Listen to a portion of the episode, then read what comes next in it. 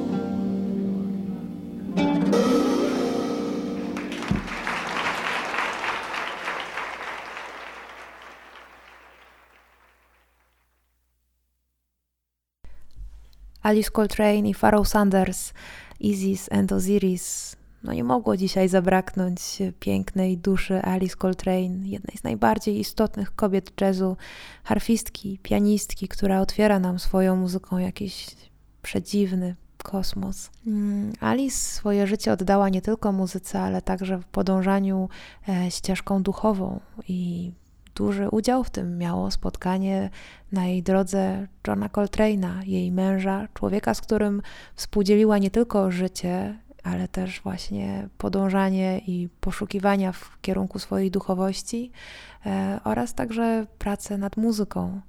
I za chwilę usłyszymy Johna Coltrane'a, legendarnego saksofonistę, człowieka, który zaczynał swoją karierę od pracy z Milesem Davisem, a potem wyruszył w swoją własną już ścieżkę muzyczną, wywierając też istotny wpływ e, na jazz.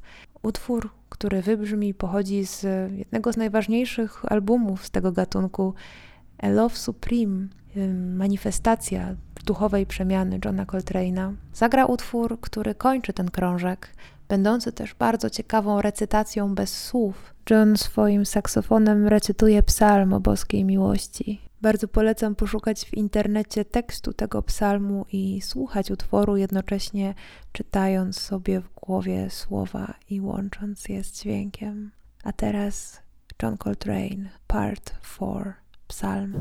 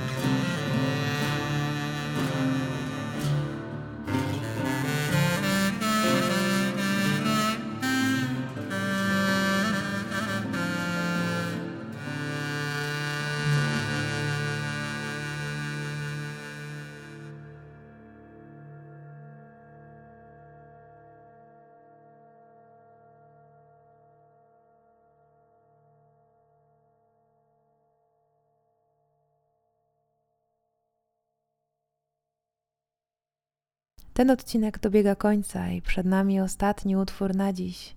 Popul Wuch to niemiecka grupa krautrockowa, która eksperymentowała, jak to inni przedstawiciele tego gatunku, z elektroniką, ale także z muzyką tradycyjną. Piosenka, którą usłyszymy już za moment, to Agape, Agape i pochodzi z albumu o tym samym tytule, zainspirowanego poezją XIII-wiecznego sufickiego poety Rumiego. Dziękuję za dzisiaj i do usłyszenia za dwa tygodnie.